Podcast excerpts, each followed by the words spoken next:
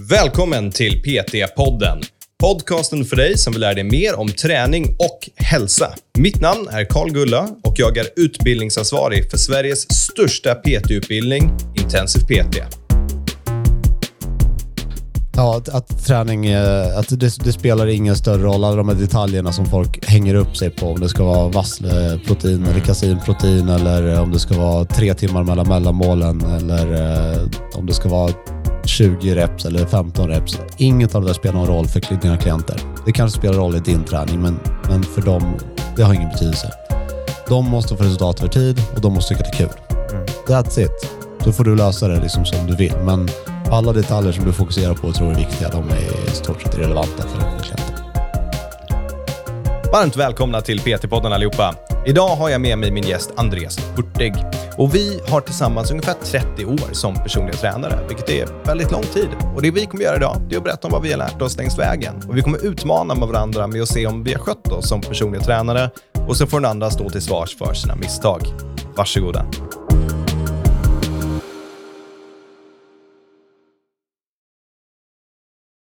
Välkommen till PT-podden Andreas. Tack. Det var ett snabbt tack. Ja, det räcker. Ja, ja det är bra att du är tacksam för att vara med. Ja. Du, idag tänker jag att vi ska prata om eh, lärdomar vi haft under vår karriär som personlig tränare, helt enkelt. Okej. Okay. Vad har du lärt dig?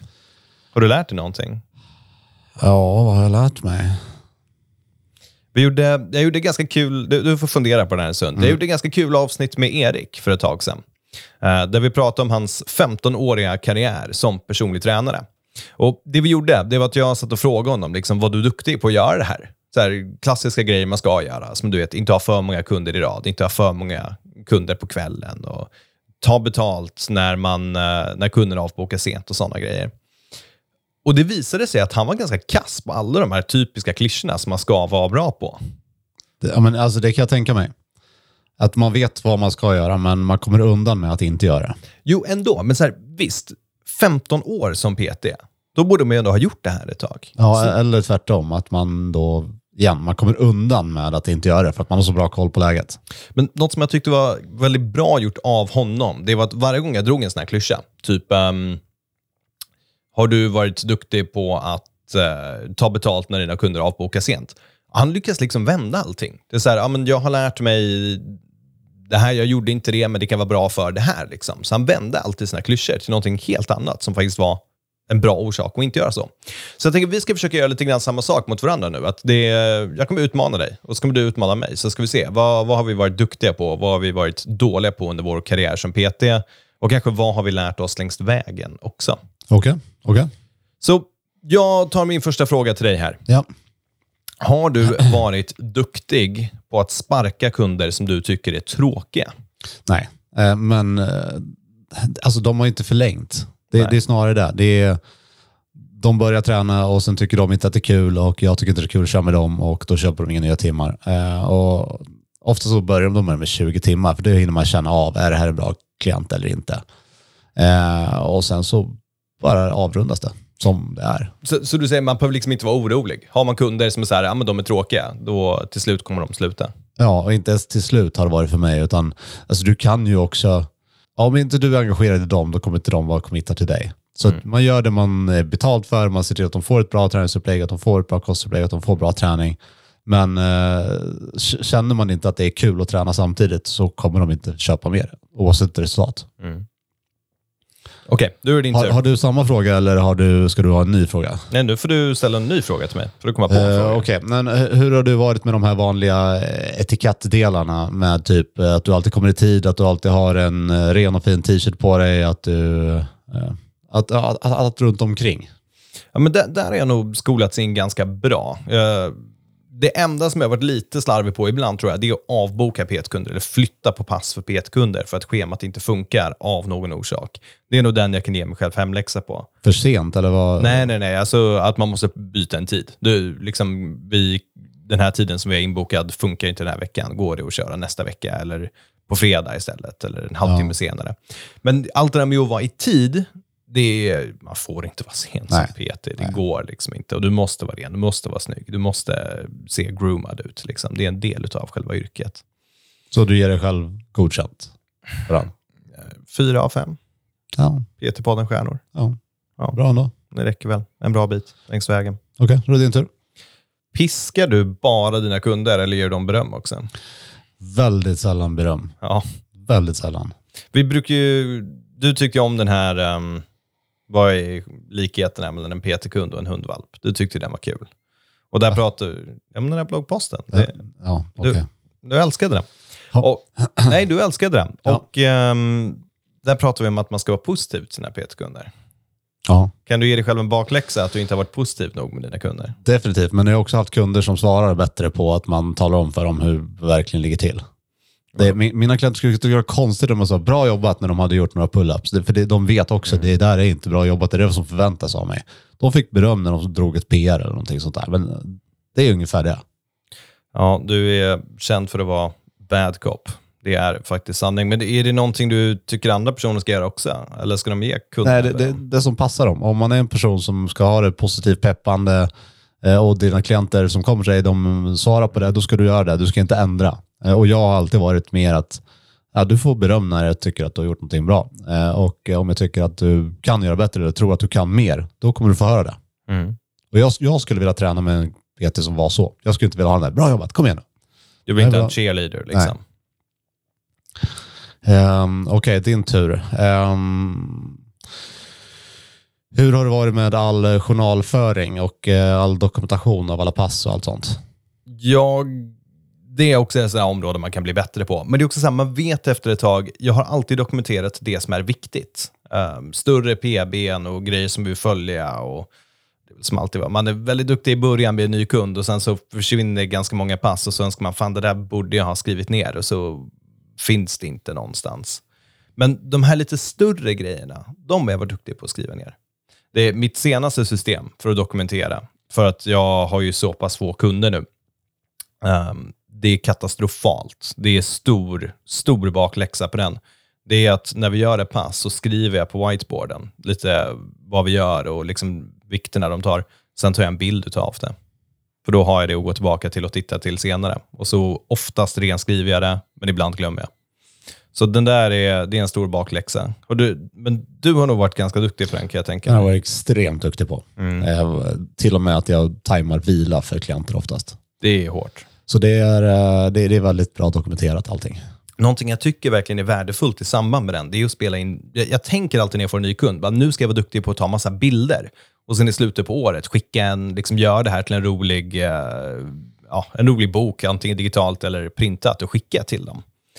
Eh, men jag upplever att man blir slarvig på att ta bilder och filma under klasser eller pass. Och det, det är dumt alltså, men det där ska man verkligen lägga ner tid på, för det är ett stort mervärde. Jag har alltid resonerat att jag, jag gillar datan, jag gillar att kunna utvärdera baserat på data. Och jag tycker om att sammanställa, eh, se deras utvecklingskurva i bänkpress till exempel och ha som datum och siffror på det. Eh, Så jag har haft mycket nytta av det. Jag tycker att det är kul och mina klienter tycker att det är kul. Så det har varit enkelt för mig att göra. Ja. Okej. Din fråga. Har du varit bra på att göra uppföljningar med dina PT-kunder? Alltså efter tre, fyra månader eller whatever så dedikerar du lite tid till att faktiskt prata med dem. Bara så här, men var du bra på det här eller var du inte bra på det här? Inget alls. Inget alls? Inget alls. Utan det är ett löpande arbete för mig. Eh, Det är ungefär som screening. Jag gör det i början, men sen är det ett löpande arbete. Så inte- du, du har liksom inget dedikerat tillfälle, men du gör det ändå? Ingenting sånt. Jag, jag gör det hela tiden, pratar med klienten om hur de tycker att saker går, vad som går bra, vad som går dåligt, vad de har ont, eh, vad som blir bättre, vad som eh, blir sämre.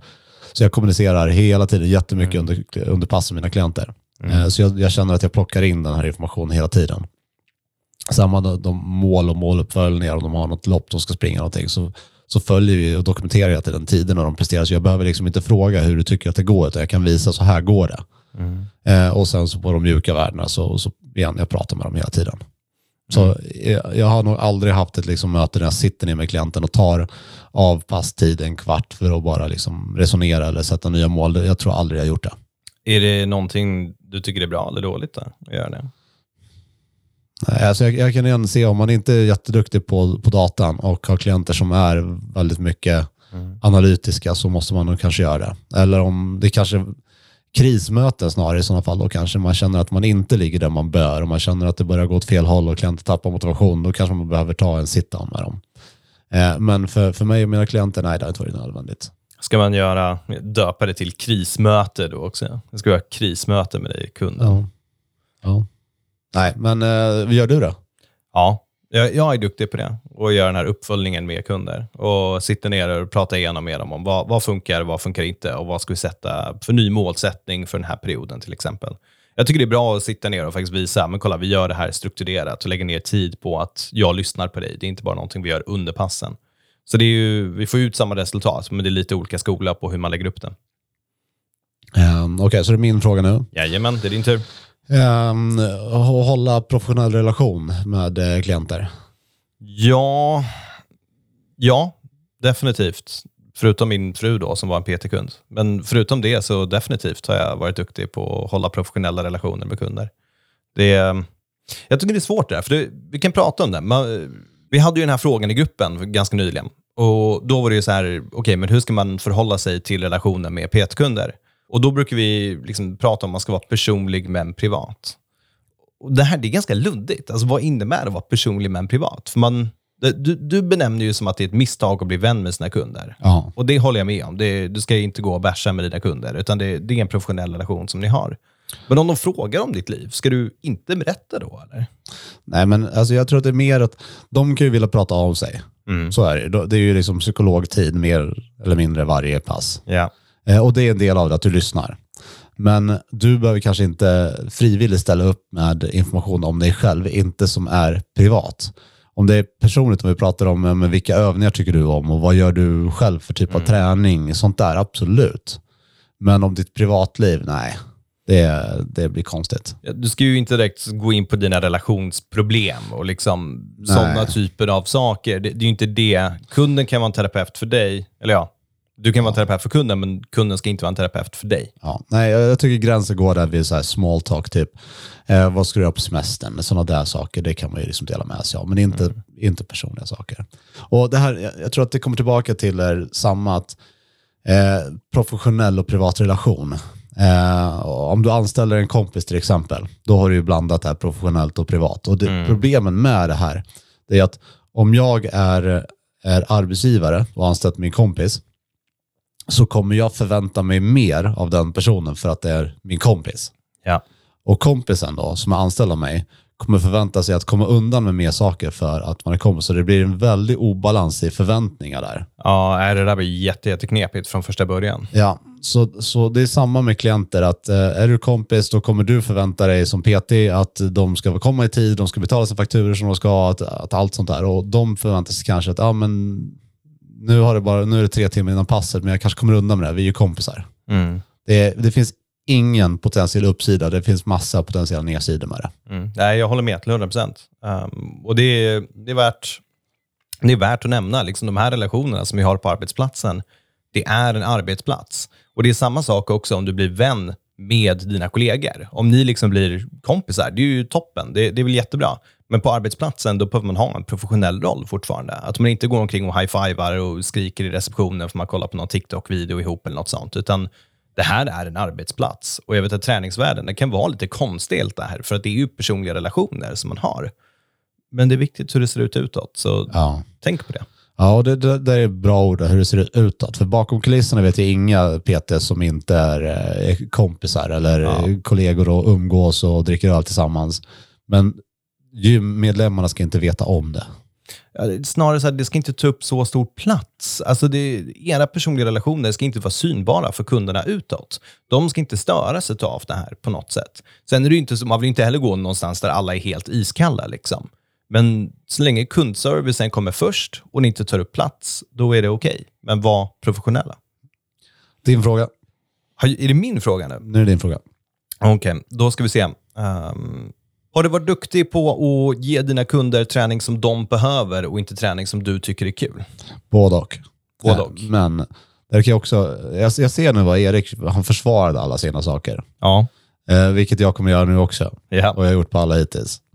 Eh, att jag har haft klienter som det spelar nästan ingen roll eh, vilken typ av träning. Jag har inte haft någon som har ett speciellt tävlingsmål. Så. Det är väldigt sällan man har de kunderna faktiskt. De vill träna hårt. Och det spelar ingen roll om det är liksom riktigt hård styrketräning, riktigt hård konditionsträning eller någon hybrid mm. däremellan. De tycker om att springa upp i Hammarbybacken med viktväst. De tycker om att köra 100 reps på 80 kilo bänkpress så snabbt som möjligt. De, de kör crossfit-pass, de kör allt. Mm. Eh, och då har det blivit lite mer influerat av vad jag tycker är kul. Lite strongman-inslag, lite crossfit och lite tyngdlyftning. Men jag tycker det där är faktiskt relevant, för det är ofta så här, kunderna behöver ofta generell träning. Sen kanske någon har nått, så här, men jag vill gå ner i vikt, jag vill liksom träna hårt, men jag vill också ta 100 kilo bänkpress. Typ, liksom så här, vanlig grej.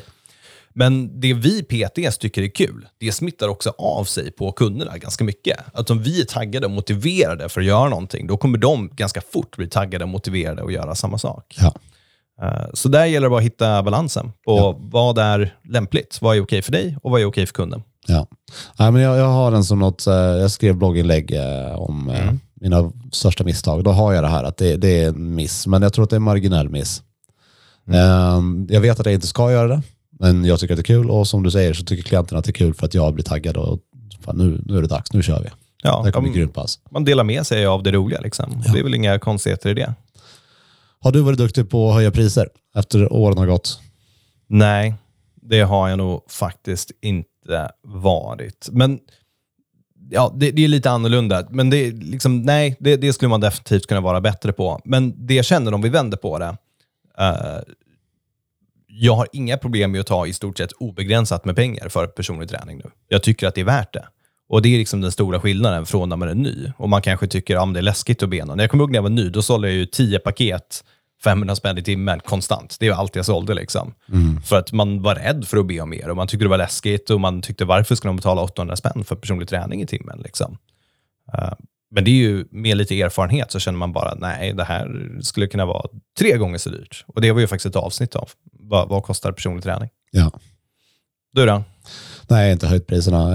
Jag började på 700 kronor i timmen och eh, hade det hela min karriär. Ja. Men jag har ju heller aldrig gjort personlig träning för att tjäna pengar. Det har ju inte spelat någon roll. Lön har ju bara varit en bonus. Ja, men så kan man ju inte tänka riktigt. Så, kan, så kan de flesta inte tänka.